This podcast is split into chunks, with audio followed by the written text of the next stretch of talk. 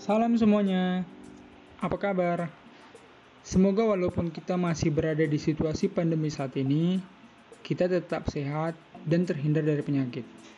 Jangan lupa, tetap mematuhi protokol kesehatan dengan 3M, yaitu mencuci tangan, menjaga jarak, dan menggunakan masker. Mbak pepatah yang mengatakan tak kenal maka tak sayang, maka izinkanlah saya untuk memperkenalkan diri. Perkenalkan, nama saya Elison Sitorus dari kelompok 11 Camaba Itera. Pada kesempatan kali ini, saya ingin sedikit berbagi cerita nih tentang plan saya di masa yang akan datang. Semoga teman-teman senang mendengarnya. Sebelumnya, saya ingin sedikit cerita tentang hidup saya, karena hal ini merupakan salah satu faktor saya dalam merancang plan di masa yang akan datang. Saya berasal dari keluarga yang sederhana.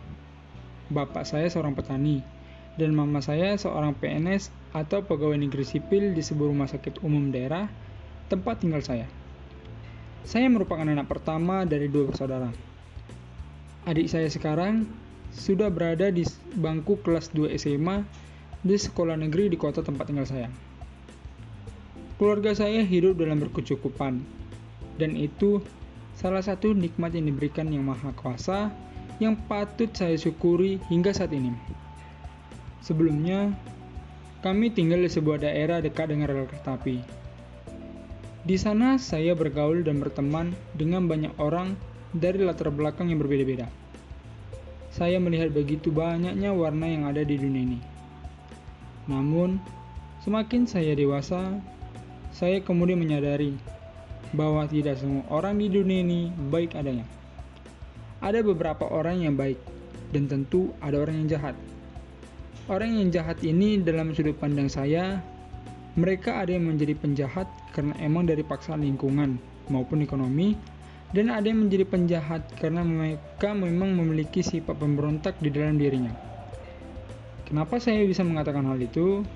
Ya, saya mengatakan hal itu tentu saja karena saya melihat beberapa tetangga saya melakukan pencurian karena mereka tidak mampu mendapatkan pekerjaan, sedangkan anak dan istrinya perlu mendapatkan makanan.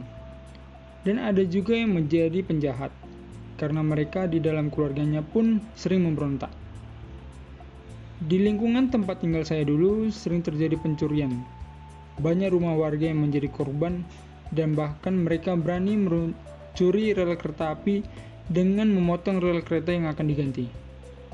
Duit dari hasil mencuri dari rumah orang dan dari hasil potongan rel kereta api itu ada yang digunakan untuk memberi makan keluarga. Dan ada juga yang menggunakannya untuk membeli narkoba. Ya, narkoba.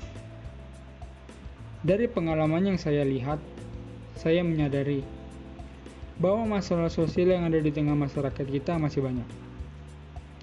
Oleh sebab itu, saya mempunyai tekad untuk membantu agar mengurangi masalah sosial yang ada di tengah masyarakat tersebut.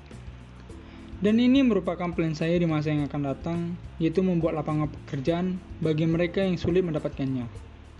Nah, untuk merealisasikan plan saya itu, saya mengambil jurusan teknik industri dan ini merupakan salah satu plan saya yang sudah terrealisasikan. Kenapa harus teknik industri? Dari berbagai informasi yang saya peroleh, dari menonton YouTube dan browsing di internet, saya mendapati kesimpulan bahwa teknik industri mempunyai prospek untuk dapat menjadi seorang pengusaha. Saya ingin menjadi seorang pengusaha. Salah satu faktornya yaitu ingin membantu masyarakat untuk memperoleh lapangan pekerjaan. Sehingga masalah sosial yang ada di tengah masyarakat mudah-mudahan dapat berangsur menghilang ataupun berkurang. Namun, saat ini yang menjadi fokus atau plan saya yaitu agar menjadi mahasiswa yang berakhlak atau berprestasi sehingga dapat menjadi lulusan terbaik di kampus saya. Saya akan belajar dengan sungguh-sungguh agar semua rencana atau plan saya dapat terrealisasikan. Saya mohon doa teman-temannya. Amin. Itu adalah plan saya yang ada di masa yang akan datang. Semoga teman-teman senang mendengarnya. Saya Lisan Sitorus, pamit undur diri. Dah.